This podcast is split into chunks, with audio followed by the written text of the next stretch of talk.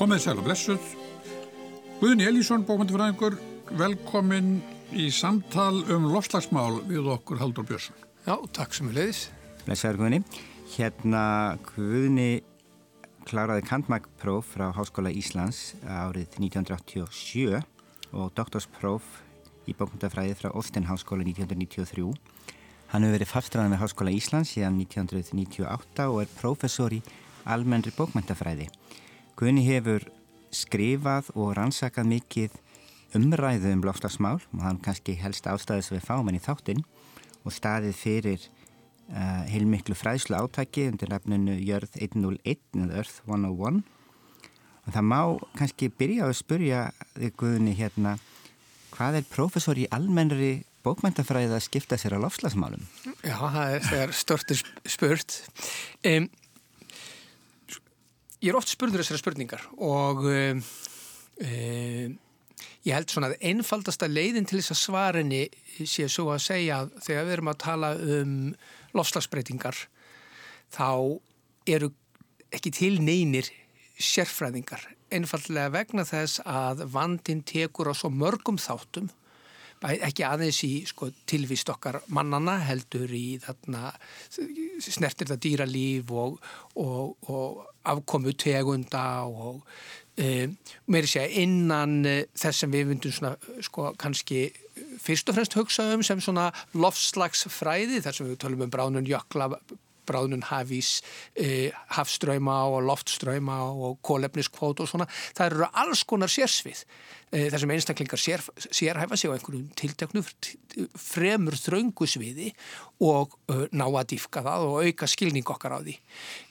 Þannig að það sem ég reyni alltaf að segja að þegar, þegar kemur þessum tilteknar vanda þá liggur hann ekki síst í því að svo ólíkir sérfræðingar þurfa að tala saman mm. um, eftir því sem við förum nær og nær mínu sérsviði þá kemur inn í þetta kognitífa sálfræðin um, alls konar stúdíur á því hvers vegna fólk tekur upplýsingum eins og það gerir.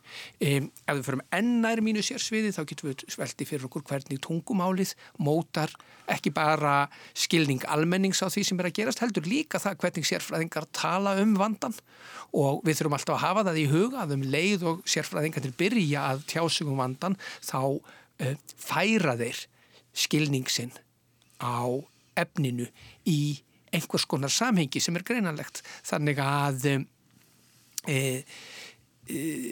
það er í rauninni ekkit fráleitt að bókmyndafræðingur skoði það hvernig tungumálið mótar skilning okkar á þessum sko eiginlega mikilvægasta málefni samtímas.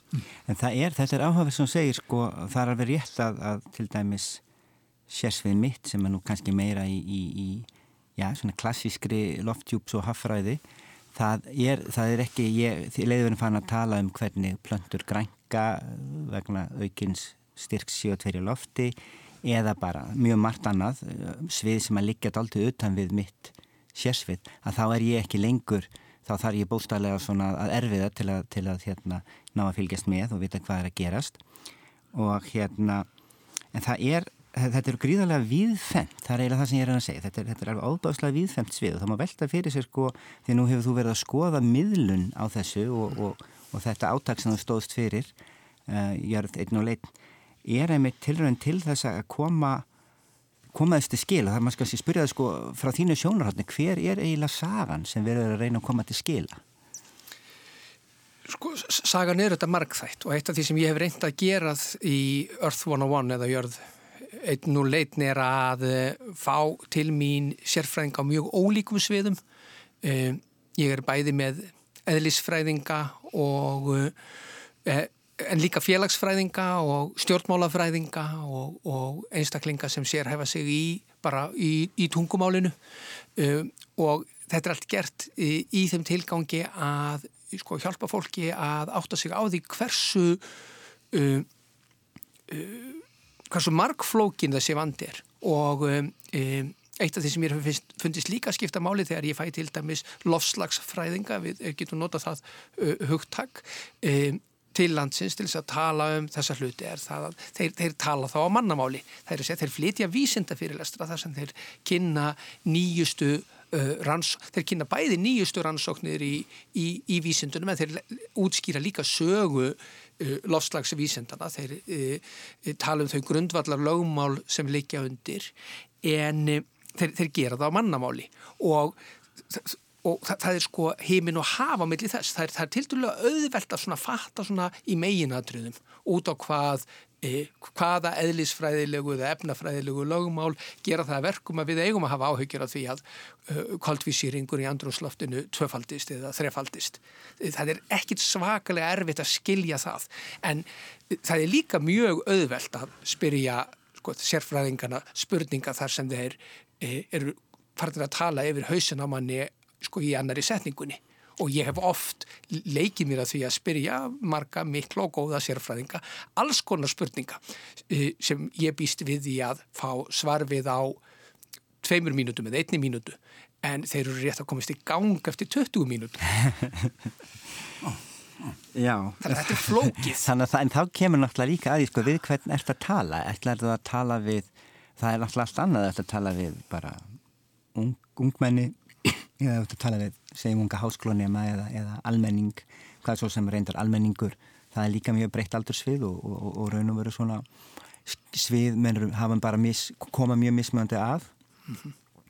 og þá er það líka hvað hva, sko þeir sem að þú fær þarna uh, hvaða hóp er þú að hugsa um þegar þú ert? Ég er náttúrulega kannski fyrst og fremst að hugsa um skólakerfið um, uh, mentaskólanema og háskólanema um, ég er að hugsa um það að bjóða upp á fyrirlestra sem er hægt að nota sem svona einhvers konar stóðþjónustu í umræðu um loslasbreytingar ég kenni mín námskeið og ég hef kent allskynns námskeið sem koma inn á loslasbreytingar með einum eða öðrum hætti þá síni ég oft e, eða læt nefnundur horfa á 5-6-7 fyrirlestra. Og þessi fyrirlestri eru allir aðgengilegir á netinu? Allir aðgengilegir á netinu, já. Á, á YouTube já. þá, já. En þetta er, sko, ef maður ætlar að ná almennilega til almennings, þá já. þarf maður kannski að fara aðra leiður í því. Þú þarfst að keira þetta meira inn í svona grundvallar, sko, frásagnar aðferðir. Þú, sko, Earth 101 er svo vísinda orienterað Já, það að það virkar kannski ekki sem besta leiðin til þess að ná til almennings en það hefur það, ég hef alltaf litið svo á að þegar maður er að tala um þessa hluti það þurfum við að, svona, að tækla vandan á mjög ólíkum sviðum, það hver einstaklingur þurfum við að sinna sínu og fást við þetta og sínu fórsendum og e, ég tók mjög snemma þá ákverðun að e, sko miða fyrst og fremst í skólastarf. Já. Ekki almenningsfræðslu þó að ég hafi flutt svona hundrað kannski fyrirlestra um lofslagsbreytingar þar sem ég nota mikið metafórur og tungumál um, þá er Earth 101 vefur en ekki þannig hugsaður. Hérna erum við að tala við hinn endan hérna skólastarf, hérna erum við að ræða við einhver þúsund Íslendinga sem eru sennilega flestir yfir 50, uh -huh. jáfnilega yfir 60 meiri lutin þessi áhuga sami hluti e, þjóðarinnar sem er komið til veit svo ára og vil gerðnan kynna sér e, mál sem eru þess vegna dátt í flókin eins og lofslagsmál Aha. og, og e, þess vegna eru við haldur hér að, að spjalla við ymsa sérfræðinga Aha. þó eins og mjög, mjög aðtöklisvert sem þú sagði ráðanguðinni að sérfræðingar í, í lofslagsmálum eru kannski, það er kannski erfitt að finna, að, að, að finna þá nákvæmlega. En aðferðin eru þetta svo að við röðum saman hér ímsum, ímsum brotum.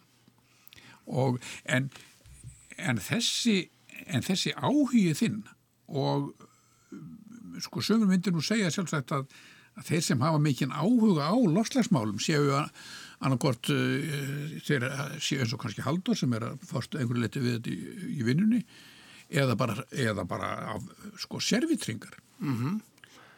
þess að ég hafa ekki sigla á móti strömi Já, varstu að spyrja hvað tísi servitringur? Já, ég sko ertu servitringur Jú, ég hugsa nú að, að ég er nú skilgreindur af flestum þeim sem uh, þekkja mig sem servitringur en í rauninni dætt ég bara ofan í þetta, mm. þetta svona, kannski einhvers þar í kringum aldamótin fór ég að skoða þetta en þá þorði maður ekkert að sko, segja um þetta, það tók mér svona fjögur, fimm árað svona æsa mig upp í það að fara eitthvað að skrifa um þetta. Og eitt af því sem ég nýtti mér er sko, Haldur er nú einstakur maður því að hann er svo, alltaf svo viljugur að svara heimskulingum spurningum. Þannig að ég var alltaf að spyrja hann einhverja spurninga um hitt og þetta sem var að þvælast fyrir mér. Og hann útskýriði alltaf fyrir mér á mannamáli og, og, og, og þannig að, að mað, maður gæti skilið það. En eitt, það fyrsta sem kannski allir því að ég fór svona klóra mér í höfðinu var það að ég áttaði mig á því að það var einhvers konar hugmyndafræðileg gjá mm. á milli þess hvernig vinstri menn og hægri menn uh, töluðu um lofslagsmandan og þá fóru ég svona veltaði fyrir mér hvernig í ósköpunum getur sko hugmyndafræði uh, móta það hvernig við upplifum efnisheimin og hvernig við metum efnisheimin og það var eiginlega á þessu sko þegar ég fór að velta þessu fyrir mér að ég svona hægturlega dregst svo inn í það að skoða e, afneitunar yðnaðin e, þær hugveitur sem hafa e, flutt falsu upplýsingar áratugum saman til almennings e, sem hafa skekt umræðuna, sem hafa skekt skilning á okkar á einhverju sem var tilturlega auðvelt á að vera tilturlega auðvelt að átta sig á svona í grundvallaratriðum þó að þetta sé ógnar flókið þú ferð að kafa ofan í það og aðeins að færi sko, sko mestu hugsuða mannkins. Mm. um, þá já, ég held að þetta hafi verið sko þannig sem ég byrjaði. Þetta er, sko, mér er alltaf þótt áhugavert stekla en maður, sko, varandi, varandi þetta að hérna þetta séu mjög sérsvið, það er sjálfum sér sko, má segja sjálfsvættum bara flesti vísindi, ég man eftir að í kennslubók sem ég átti í jarðalisfræði það var alltaf svona tilvittnun í hverjum kapla, eitthvað, eitthvað sem átti að vera að fyndið og í einum kaplanum var stóð eitthvað í þá veru að það var ekki neitt sérfræðingur í jarðvísindum. Við gröfum öll okkar sérfræði hólur og sitjum í þeim mm -hmm. og tilvittnum í einhvern. Og hérna og þetta áttu sást að hvernig maður til dáða að, að hérna reyna nú að, að, að nálgast þetta frá eitthvað svona víðara sjónarhóttni eða grafa sem dýfst eða grafa sem dýfst, já, ég svo sem veit það ekki. En hérna, en, en sko það, það er, er, er svo sem svo sem eitt en sko það má velta fyrir sér í þessu samhengi sko í, í arvísindum kom fyrir, fyrir nokkrum áratöfum síðan kenningin, fleikakenningin fram og fleikakenningin er mjög hepp, vel hefnuð kenning. Mörguleiti svona getur sagt að hún sé svona eins og þróunakenning hérna í arvísindana svona sama, sama stall og þróunakenning í lífvísindum en hérna, en það er engin skipulögð sko samtök manna eða hugveitur sem eru helgaðar þróunarkenningunni eða allavega ekki, ekki hérna flegakenningunni minnstu kosti, þróunarkenningin hugsanlega á einhver anstæðinga en fleikakenningin sem slíka er tiltölu óumdild þó að hún sé í sjálfu sér mm, sambæri leðar, gögg sem hún sapnar, gögnin benda til ákvæmna niðurstöðu og svo bara fallast vístamenn á að þetta hljótu nú að vera líklegast að skýringin og, og það gerist ekkert meira, það er enginn, það rýsa enginn upp á afturleiputin, þannig að það er eitthvað aldrei sérstatt með lofslagsvísindin mm. að hversu mikil hérna satt, andúð raun og veru skapast og hversu mikil yðnaður og það er alveg óumdelt að þessi yðnaður hefur fengið alveg gríðalega fjármögnun tölur sem ég hef séð til dæmis um áratvíðin, já 2002 til hvað var 2008 þá var það miljardur dollara sem fór í beinlýnis að fjármagna þessar hugveitur og, og, og aðra sem að sem sagt, dreifa upplýsingum og sem þýr haldi fram að loftsbreytinga séu ekki réttar. Þetta er örgulega meiri peningur en fóri í að sko kynna lofslagsvísinda á sama tíma þannig að þetta er alltaf ójafn leikur en hérna og það má velta verið svo hvernig, hvernig stafar, af hverju stafar þetta? Hva, hvað er það sem gerir þetta svona hugmyndafræðilegu deilamáli? Ég held að það sé bara peningar. Mm. Það er að segja, þetta er, þetta, það er að segja, það er staðreindir sem sko lofslagsvísindamenn reyða fram að uh, þær eru staðreindir sem, uh, ef við tökum mark á þeim, þá kalla þær á einhvers konar stjórnvaldsaðgerðir. Um, ég hef stundum sagt að þetta sé svolítið eins og ef ég, ef ég segði til dæmis að konudagurinn uh, væri eftir þrjárvíkur og það myndur kannski flestir ekki velta þeir fyrir sér ok, þú veist, um, en að væri rámt hjá mér þú veist, menn fær ekkit, menn, menn, menn ekkit endilega að rýfast af einhverjum miklum hitum það hvenar konundaginn ber niður til þess að næsta ári e, nema þá að ég segi það eh, rámt og blómasalar í Reykjavík verði reyðir vegna þess að, að kaupendur missa af konudeginum. Það er að segja að það eru peningar undir þarna. Hagsmuna, það eru hagsmunir, já, það er hagsmunatenging og menn óttast einfallega að með markvissum aðgerðum þá uh, hafi það áhrif á frjálsaverslun, fríverslunarsamninga, það hafi áhug, áhrif á uh, e, orkulósun, yðnaður uppbyggingu og svo framvegis. Og um, um leiðu verum komið þánga þá förum við líka að velta fyrir okkur um þessum hugmyndafræðilegu þáttum. Því að í rauninni má segja sem svo að, að sko, þessi hugvilla sem stýri afneituninni, hún gengur eiginlega út á það að spyrja sig e, ef þetta er allt saman ránt e, ef vísindamennir Eh, eru allir á vellugötum og allar sko stærstu loslagstofnanir í heimi skilja ekki upp niður í því sem það er að vera fástu við. Af hverju er það? Og þá komast menna þeirri niðurstöðu þetta sé samsæri vinstri, vinstri manna þetta sé vegna þess að e, vinstri menn sé á einhvern hátt að reyna að beita vísindunum fyrir sig til þess að að ebla styrk ríkisvaldsins og til þess að sko grafa undan almennu frels í heiminum og það er með enginn furða að, að það, er, það er enginn tilviljun orða kannski frekast þannig að það eru miklu fleiri frjálsíkjumenn sem efast um lofslagsvísindi heldur en í öðrum hópum. Hmm.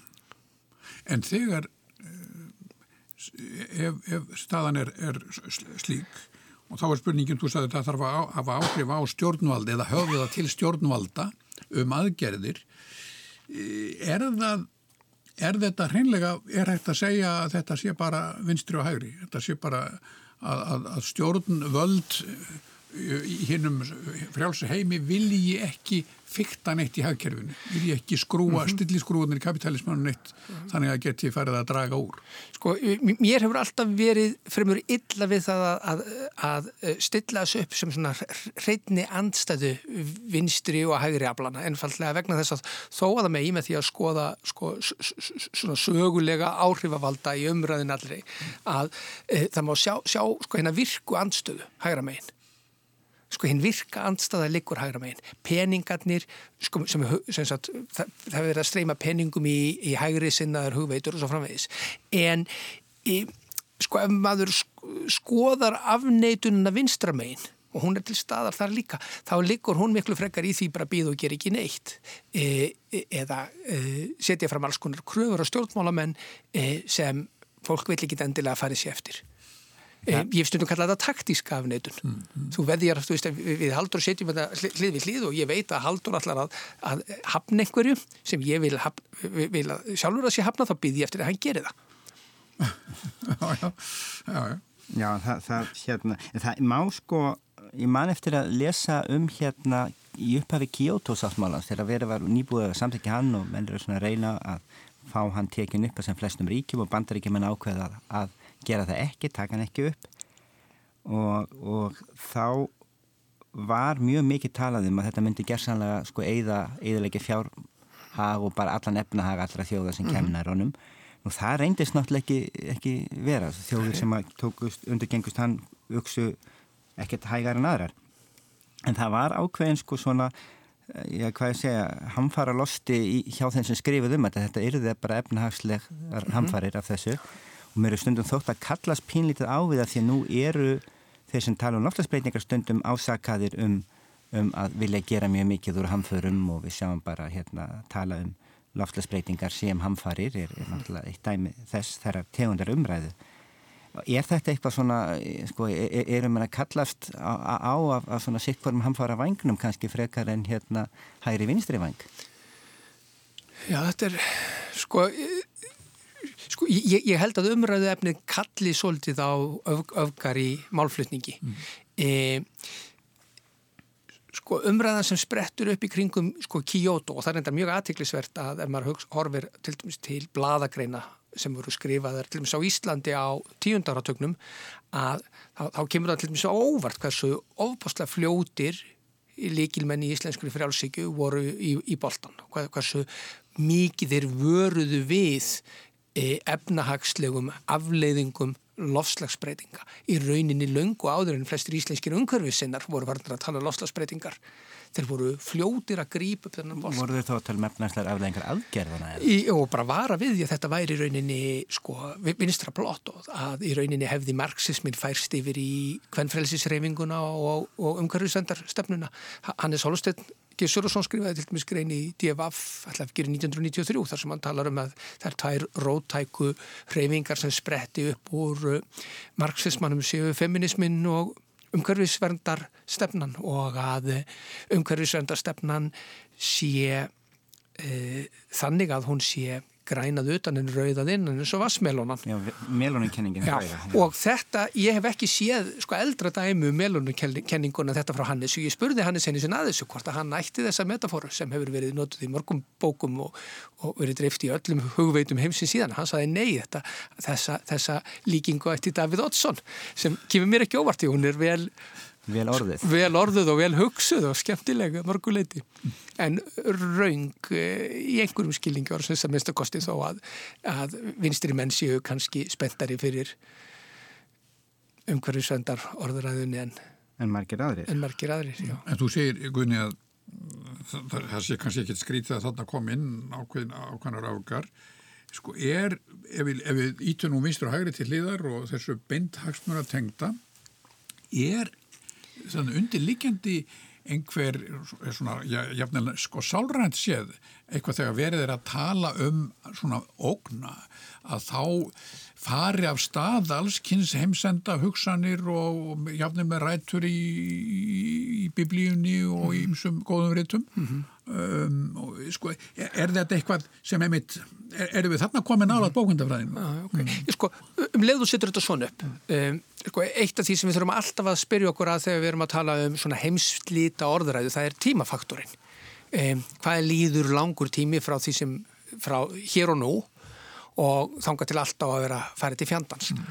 og eftir því sem tímin verður skemmri þeim mun meiri verður hamagangurinn og óðagotið og þeim mun svona þandari verður orðræðan. As, og, við getum líka snúið svo haus og sagt við ætlum að búa til framtíðaríkja á jörðinni eftir því sem við gerum það hraðar Eh, þeimun meiri verða ógnarstjórnirnar sem, sem eiga að keira það í gegn. Við sjáum það hjá Jakobínum í fransku stjórnarbyltingunni sem í rauninni færðu þúsund ára ríkið bara nýra á jörðina. Við sjáum það hjá Bolsevikum, eh, við sjáum það bara allstaðar þar sem Pol á að... Pól Pott, mjög gott dæmi. Mm, mm. Þannig að í einhverjum skilingi orðsins þá er sko erfitt að slíta þessa umræðu frá þessum gömlu sko frásagnar lögumálum, en það sem ég vil alltaf samt leggja áherslu á um leiðum með bara að tala til dæmis um ofinbjörnabókina og þessa hluti, er að e, sko, það, það skiptir máli burt sér frá því hvaða tungumál við notum til þess að sko, lýsa vandanum. Hann er raunverulegur og hann er stuttur með sko 20.000 gagna og, og, og, og rannsóknum uh, sem sko ná 50 ára aftur í tíman og grundvallar skilningi á uh, í eðlisfræðu og efnafræði sem við getum ekkit hunsað og leitið fram hjá. Þannig að, uh, jú, uh, tímafaktorin kallar á þetta. Við þurfum að flýta okkur, við þurfum að gera þetta strax því að ef við gerum þetta ekki strax þá verður þetta seint. Við heyrðum þetta bara í fyrra þegar okkur var sagt að við ættum 12 ára eftir til þess að bjarga heiminum og lit, lítil börn út í bæ heldur bara að, að það væri allt búið eftir 12 ár sem það verður auðvitað ekki. En eftir því sem magnið á koldvísýringi vex í andrumsláttunum, þeimunu erfiður að verður að vinda ofan að því. Var það ekki Haldur Þorgesson sem var að segja það að við, við ætlum að halda okkur við sko 1,5 gráðu mörkin þá þurftum við að draga úr losunum svona 17% á ári. E, ég sé aðra tölur sem segja 15% á ári. Og um leiður okkur með þangað þá sjáum við í rauninni að sko 1,5 gráðu markið er í rauninni óraunhæft í öllum pólitískum skilningi orðsins vegna þess að, ef við tökum bara sem dæmi þegar Sovjetiríkin gömlu hrundu þá fylgdi því gríðarleg svona efnahagskreppa mm, og, og hörmungar og, og það var 5,1% samdráttur, samdráttur þannig að það sem við þyrtum að gera við ætlum að fara í þetta, við þyrtum líka að fara í massífu uppbyggingu við þyrtum að byggja upp nýja innviði e, það væri hægt að spýta alls konar, það væri hægt að, það væri hægt að ressa við efnahagslífið með alls konar inngripum og með sko massífur uppbyggingu en En ekki efnahagslegum hamförum þá? Sko efnahagslegu hamfæranar að að gera ekkert er þetta alltaf meiri heldur en heldur en heldur en, en efnahagsvandin sem gæti komið af þessum umskiptum sko.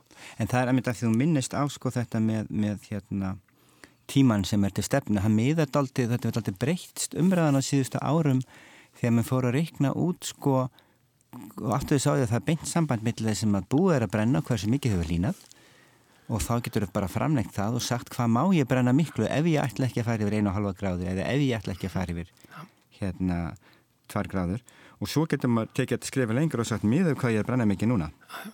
Hvað hef ég mikinn tíma ef ég ætla að gefa mig góða líkur á að sleppa við einu og halva gráði eða tvær sko. og það er úr því sem mann fá þessu tölur 12 ár, sem heldur sennilega núna ára en 11 sko, miða við hérna einu og halva gráði og það er að segja eftir það verða mjög litla líkur eða verri líkur að þú sleppir við, við að fara yfir einu og halva og svo náttúrulega í sko, ef þú sættið við frekar lélega líkur og tvær gráður þá ertu fann að tala um marga áratugí sko, fimm eða eitthvað líka með sömu rökum, en þá ertu líka auðvitað að taka sko þá núverandi losun er kannski ekki, ekki hérna besta dæmi því við erum náttúrulega að reyna að draga úr losun og væntalega mun það skila einhverjum ára Já, já. En þá þurfum við líka að veðja á það að jafnvægisvörunin verði sé ekki nú að há, ekki já, það há já, sé ekki hækka og það eru ímsar vísbendingar um það að hún hafi verið vannreiknuð. Það er svo önnur og, og tæknilega og þá komum við með þessu að, að ræða þetta. Þetta er tæknilega oft flókið umræðaefni en, en, en sko ég, mér hefur stundum þótt að þessi umræða um sko hamfarir sé að, að sumuleiti sko mis tólkuð að því leiti að það eru ekki hamfariðar er í sjálf og sér ekki það sem er að gerast núna þó að það sé mörguleiti margt mjög slæmt að gerast heldur það að tíminn sem þetta stefnu verður alltaf stittur og stittur og það í sjálf og sér er ákveði neyðar ástand sem menn þurfa að bregðast við. Já. en það er, það er kannski meira pólitíst heldur, en, heldur en náttúrufræðaritt eins og stendur. Já, já. Ég, veist, það er ákveðin skekki í umræðinu sem fælst oft í því að það stíga fram ymsir sérfræðingar og segja við höfum aldrei haft það betra. Og, og mennur sem spurðir, ertu sammála því að við höfum aldrei haft það betra? Og ef ég er til með spurðu þessara spurningar þá myndi ég svara henni já og nei. Það er að segja að, að jú nákvæmlega hér og nú þá e, lítur allt fyrir, út fyrir að vera í talsverðum blóma en við þurfum að velta fyrir okkur af hverju og hverju verða afleðingarna því. Þannig að maður þarf alltaf í einhverjum skilingi orðsins. Það er ekki, við erum ekki komin á þennan tímapunkt núna en þetta er svolítið vegna þess held ég menn hafi oft nú notað líkingunum við Titanic að um leiðu sér þýsjakan þá þarf þetta að spyrja hversu langt er í hann? Já. og getur við stoppað eða getur við stýrt honum af leið og þannig að það er svona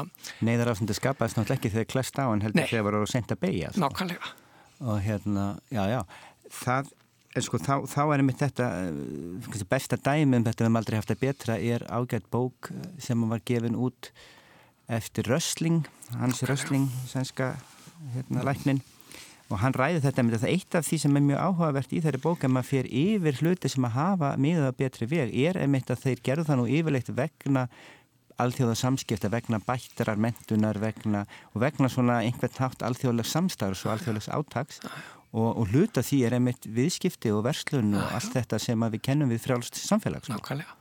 Og, og það er eitthvað skemmtilegt svona, og, og djöfulegt í, í, í þessum vanda sem fælst í því að eftir því sem við höfum það betra og eftir því sem heilbriðiskerfið batnar og eftir því sem langlífi eigst og eftir því sem neysla vegs og allir þessir sem sagt, bara, um, sko, allir þeir mælikvarðar sem við notum til þess að mæla velsælt þá á samaskapi vegs uh, lofslagsvandin vegna þess að þeir orkugjafar sem við notum til þess að byggja upp þessa velsælt er á samanskapi að e, muna samanskapi draga úr henni þegar fram í sækir. Mm. Ég hef oft, oft notað sem dæmi sko að e, kynverjar þeir framleitu 6,6 gigatonn af sementi á árunum 2011 til 2013 á meðan bandaríkjumennu framleitu 4,5 gigatonn af sementi á allir í 20-stöldinni þar sé að þeir, þeir fóru þrjátíufalt fram yfir sko, sementsframleyslu þarna bandaríkjumanna en þegar þú spyrði og flesti myndi þá segja að sement er mikil gróður húsavaldur og er 5-6% af heildarlosun en það er ekki aðalponturinn aðalponturinn er í hvað fer sementið það fer í, í þjóðvegina, það fer í flugvellina það fer í infrastruktúrin í nýju stórborgunum sem keira upp neyslu. Það fer í heilbriðiskerfi, það fer í spítalana, það fer í... Þannig að allt í stöndu við frammi fyrir því að allt það sem við lítum á sem gott og ég líti á sem gott og eftirsóknarvert og frábært, almenn velsælt í heiminum, er líka í einhverjum skilningi orðsins eh, vandamál sem við þurfum að tækla þegar við erum að ræða sko niðurskurði losun. Það var þetta sem að stundum að kallaði afkóla hakkerfi. Nákvæmlega. Að koma, koma jarfnælsnitinu úr því. Já. Það er náttúrulega ærið verkefni, við ætlum að ræða það kannski síðar við, við fleiri en nú hefur þú í, í þessum þáttum þínum rætt við ymsa, hafið þið rætt þetta? Er, er, hvernig gera mann þetta? Er, er þetta gerlegt? Sko, sko flestir sérfræðingar sem ég hef talað við um efnið e, segja að e, sko við þurfum í fyrsta lagi að sko fara í sko, sko algjör e, sko, sko, sko endaskipti á e, orkubúskap jarðarbúa en að samanskapi þurfum að draga alveg gríðarlega úr persónulegri losun og uh, það þarf að breyta neysluvenjum, það þarf að breyta því hvernig við nálgumst orku og svo framvegis. Og ef við skoðum til dæmis vind og sólarorku sem dæmi að hún er í 3% af heldar, heldar og menn ruggloft með þetta, ég hef oft hlust að fyrirlestra sem hjá fólki sem er nýtt í, í, í fæinu og er að tala um það að, að, að ramaxi komið upp í 15, 20, 25% en þá er það venilega rugglað saman sko heldarlosun og domestiklosun sko. Já. það er að segja eh, heimili og þá tekur það yðnaðin út úr því og, og, og samgöngur og... Já, það má, má að vísu þá á móti segja sko að til dæmis vindur og sólorka vaksa mjög hrætt þannig að jafnvel þó þau séu komin í 3% þá má ekki gleyma því að þau voru undir 1% fyrir eitthvað sem einhver síðan sko. og hafa 20 faldast held ég bara á 20 árum. Já, eitthvað sem að vexum hérna, reglan er þessi að það vexum einhver prosentu þá deilur þau prosent upp í 70 til að vita hversu hrætt það tvöfaldast. Og ef maður gerir þetta þá séð maður að vindorka eftir tvöfaldast á hverjum og sólarorka reyndar á tímabili að vera tvöfaldast á hverju ári. Það reyndar auðvelt þegar þú byrja með mjög lítið sko en, en jafnveg þó hún tvöfaldist bara á fimm ára fresti þá var það feikið nóg já, já. en auðvitað kemur svo að því að það er ekki kannski praktist það, við, en, en, búum auðvöldu svæðin eða, eða En sko vandamálið er að, að, að, að græna orkan hún, hún leggst ofan á sko, viðbótarorkuna, við notum alltaf meir og meiri orku á hverju ári og græna orkan er aldrei að dekka viðbótarorku þörfuna þannig að það sem hann hafi verið að sjá er það að kannski fjóri fymtu af viðbótar orkuþörfinni komur gamlu orkugjónum Það er að segja að þó að við séum að gefa svona í, þá notum við alltaf meira oljum, olju, gassi og kolum. Mm. En er hægt að hugsa sér að, að það verði einhver breyting á samsetningunni þar að segja að, að hreinlega að, að hagsmuna aðiladnir, þeir sem hafa haft uh, raunni ágóða af því að framleiða hluti með þeim hætti sem við þekkjum og hafa leitt til þessara lofslagshamfara er hugsanlegt að það verði þarna að snúa þessu stóra skipi um, ég myndi bara svepa eins og það var sagt að það hefði ekki verið bara átt á náttúruvendar umhverfið sinna sem bjargaði íslenska hálenduna heldur mm. sko túrismin mm -hmm. allt í einu þá bara færðust hagsmununir fór í annað samhengi er, er hugsanlegt að, að eh, það sé hægt að gera það svo físilegt -hmm. að, hvað að segja græn, framleiðsla grænar orku er, sko, Græna orkan er orðin sko, algjörlega samkeppnishæf við, við, við hefðbundna orkugjafa og er að fara niður fyrir sagt, uh, kostna mjög víða mm. um, það er nú hugsanlegt að uh, sko, sömur hafa spáð því að þessir áraugstrar verði milli sko, stóru trygginga félagana og, uh, uh, og olju, kóla og gasfélagana einfallega vegna þess að það verður alltaf dýrar og dýrar að tryggja heimili og það verður alltaf flóknar og flóknar að tryggja heimili vegna uh, alls konar sko, viðurfarstengdra sko, viðburða þannig að uh, það var kannski helst að þar gætu sko, komið inn á móti einhvers konar uh, orðræða eða, eða, eða leiðir til þess að, að ít okkur út úr þessu, þessum sko fasa sem við höfum verið í í 25 ár. Það er það sem að, kannski, sko, að koma kannski aðeins eftir að, að umræðinni sko. Mér finnst sjálfum, nú var bara en um daginn dagur múrmeldýrsins, það er hérna, hérna hefð fyrir því að taka múrmeldýr og láta það sjá til sólar í einhverjum bæ í bandaríkanum sem hefur með nafni sem er álíka erfitt fyrir mig að segja og fyrir útlendinga að segja eigafællajökull þannig að hérna ég ætla ekki að reyna það en, en, en sem sagt dagur múrmeldýrsins er líka frá kvikmyndum mann sem þurft að endur taka sama daginn aftur og aftur.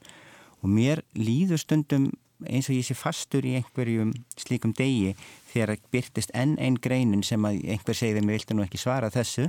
Það sem við erum að fara með einhverja bábilju eða það sem mér finnst vera ítla raukstutt og það er kannski ekki það að það sé skrifa grein sem sé ítla raukstutt heldur það að það er búið að skrifa þetta og það er búið að svara þessu fyrir lungu þannig að ég er farin að vera fastur í þessum degi eh, múrmeldýrsins að einhver mhm. leiti sko þessu leikriti að, að hérna eiga svara einhverjum sem, að, sem er að segja eitthvað.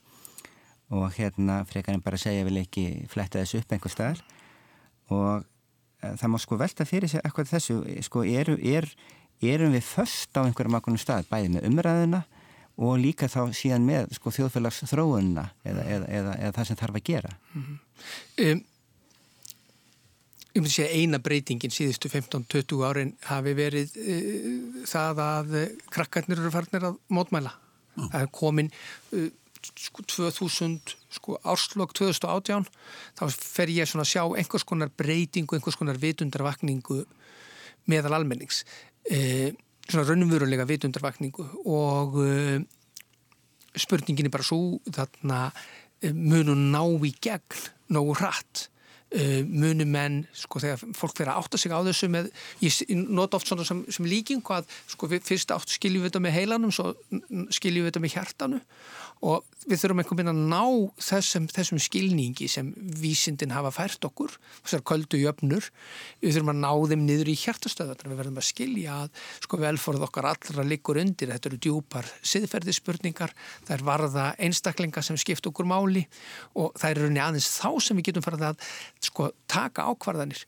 Um, og það er aðeins þá sem þessi sko aðgreining millir sko mikro og makro ákvarðanatöku hættir að skipta máli.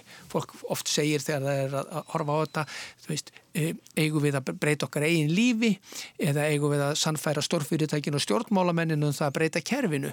Mm. Mér er alltaf illa við þessa aðgreiningu vegna þess að ég held að einstaklingar sem breyta sínu eigin lífi þeir beita sér líka á hennum pólitíska vettvangi. Það er að segja stjórnmálamennir fara ekki að hlusta á okkur fyrir en þeir skilja það að það er þeirra hagur að gera það og þegar þeir skilja það að það mun ekki koma niður á uh, þeim á kjördegi að gera það. Og, og hluta vandans er þetta sko við erum með stjórnmálamenn í heiminum eins og, eins og Donald Trump sem afneitar bara örnveruleika loslasbreytinga og, og beitir sér af einurð og hörku í því að snúa við allskins ákverðunum sem teknar hafa verið að forvera hans í ennbætti núna. En hinn meðin við landamærin erum við með Trudeau sem e, mænir upp í uh, munnin á umhverfisvendarhrefingunum en allt sem hann gerir uh, muni leiða til hamfara hlínunar í framtíðinni ef hann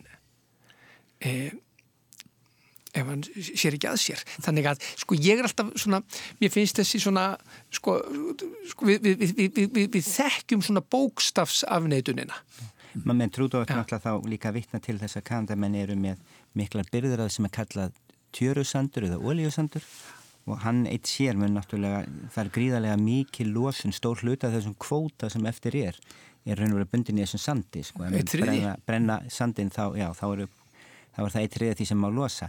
En það má náttúrulega líka í samhengi við, við fólk og, og hvernig fólk bregst við þá kannski Annað nærtak dæmi er hérna freklandsfórseti sem að reynir að mhm. setja reglur sem að eiga takmarkir að draga lóðun og honum mæta stanslus mótmæli. Og þá er þetta komið að sko ákveðinni þversök þar að segja að það getur vel verið að séu, við séum í prinsipinu mjög fylgjandi því að sé dreigið og lóðun en það má bara ekki bytna á okkur. Nákvæmlega og, og, og, og það, það, sko, guluvestin í Fraklandi er mjög klassíst dæmum þetta, þú veist, skattlagning á, á jarðabna eldsneiti eh, sko, eila eh, var með svolítið upphafi einn af, eh, ein af megin ástæðinu fyrir öll, öllum mótmælunum.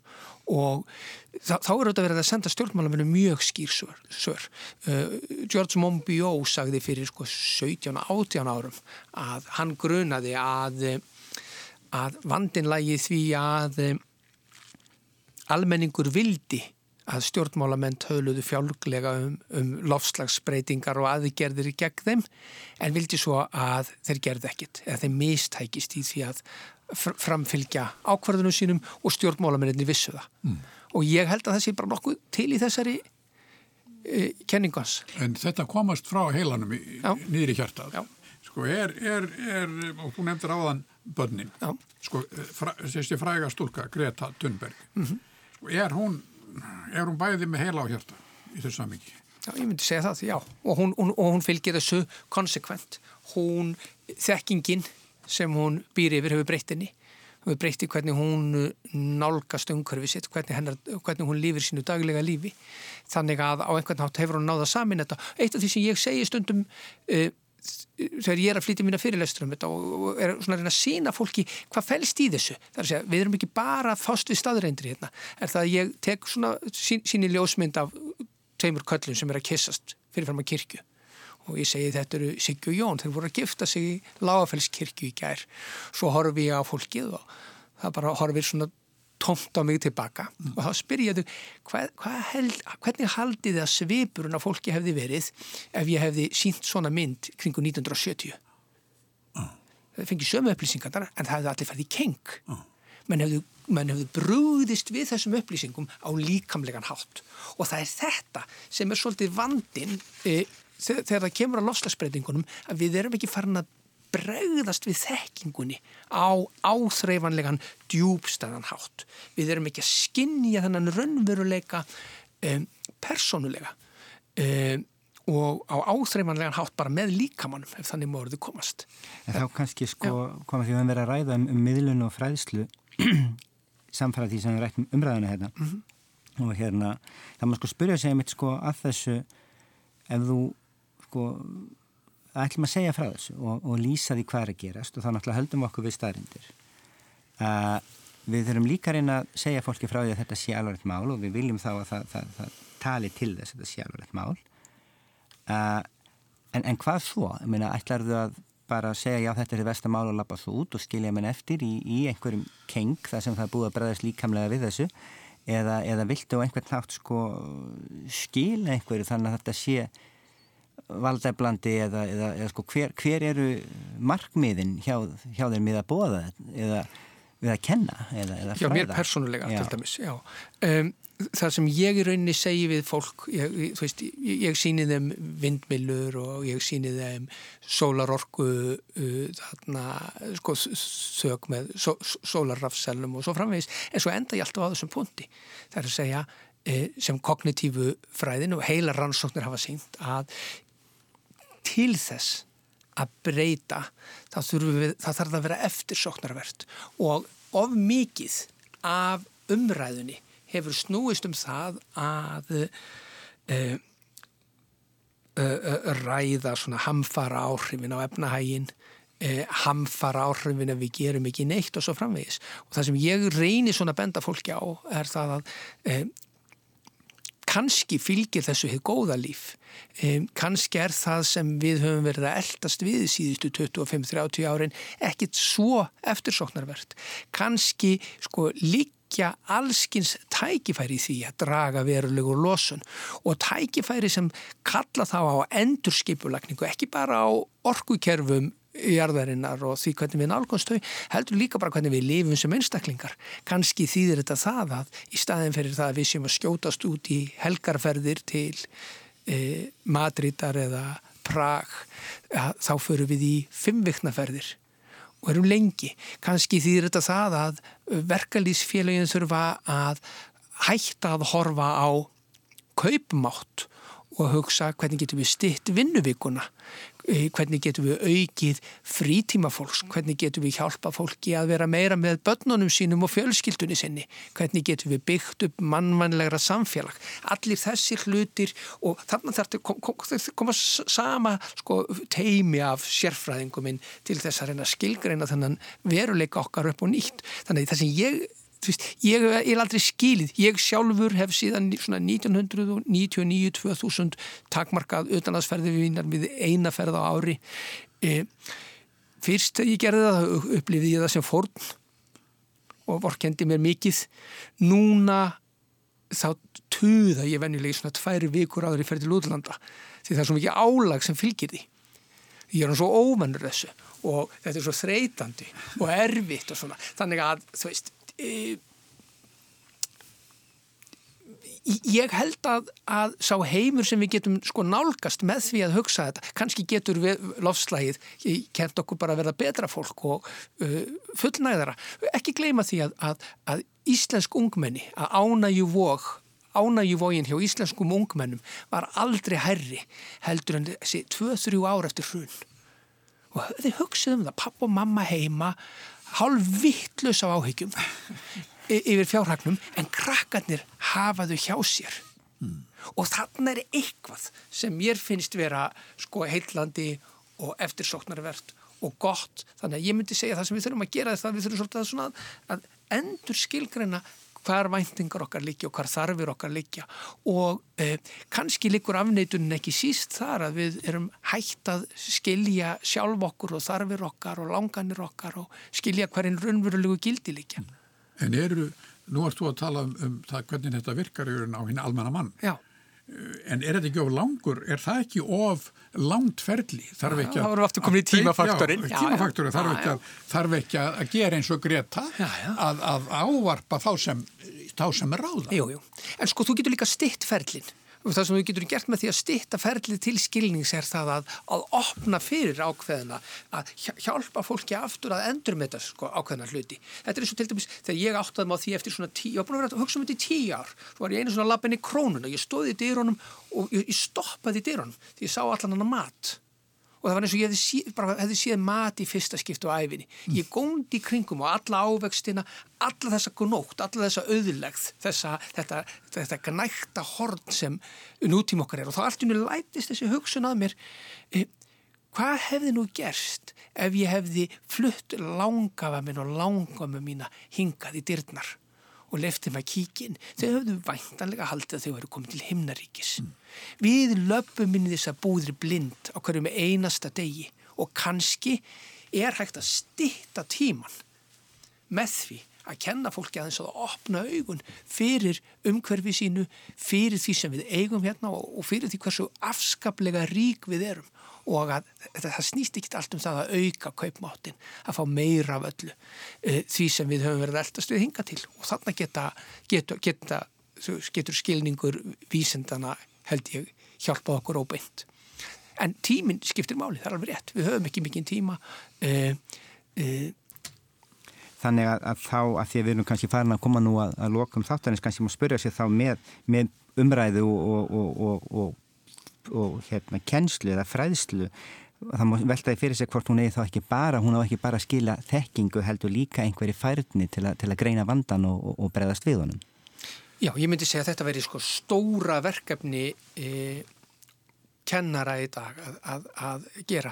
Þú veist, þegar, þegar við vorum hérna þrýr ungir þá vorum að aflokkar þekkingar, þá fórum við á bókasöfnin og uh, þá fundum við allskynnsirið þar sem við gáttum að lesa okkur til í og um, það sem uh, skilgreindi, svona sannleg skildi þessara texta lág oft í því hvaðir voru gefnir út, hvaða vísindatímaritt uh, gáfið út og hvaða bókótgáfur stóðað þeim.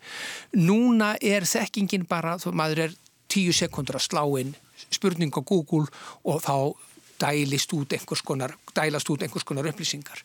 Það sem við þurfum að kenna nefnendum að gera í dag er að vinna úr þeim upplýsingum sem þau geta nálgast á til dæmis netinu uh, finna ákveðnar aðferðir til þess að vega og meta sannleik skildi gagna sem líkja vel utan mann segið sérsviðs og það eru til ákveðnar aðferðir til þess að gera þetta, það eru til ákveðnar aðferðir sem er hægt að nota til þess að skilja það, hvort það sem maður sé að lesa, sé í einhverjum skilningi ára sem sá grunnskilningur sem vísindamenn leggja í hlutin á þessum tiltekna tíma eða ekki. Og það er þetta sem við þurfum að þjálfa upp með krökkunum okkar og rauninni almenningi öllum þar að segja að nálgast upplýsingar gangrinnið og kunna að vega þær og meta og ekki hugsa bara ég efast um allt e, ég ætla að lifa mér að efast um allt ég ætla ekki að, að samþykja einhverja grundvallar kenningu í vísindum bara sem ég er sagt að gera því ég efast um allt. Þetta kallar ég svona sko, efahyggju letingja. E, það er að efast um allt e, ef þú hefur ekki fyrir því að aflaðir upplýsingana. Þetta á að vera krítísk, leitandi, efahyggja þar sem eh, maður reynir að komast að því sannis, sannasta á hverjum tíma. Og, og, og, og svo eigum við að móta skilning okkar á því. Þetta verða loka orðin í dag. Guðin Elísson, professor í almennri bókmyndafræði Háskóli Íslands, bestu takki fyrir að koma til samtals við okkur Hald og Björns. Takk að þér. Takk sem við leiðis.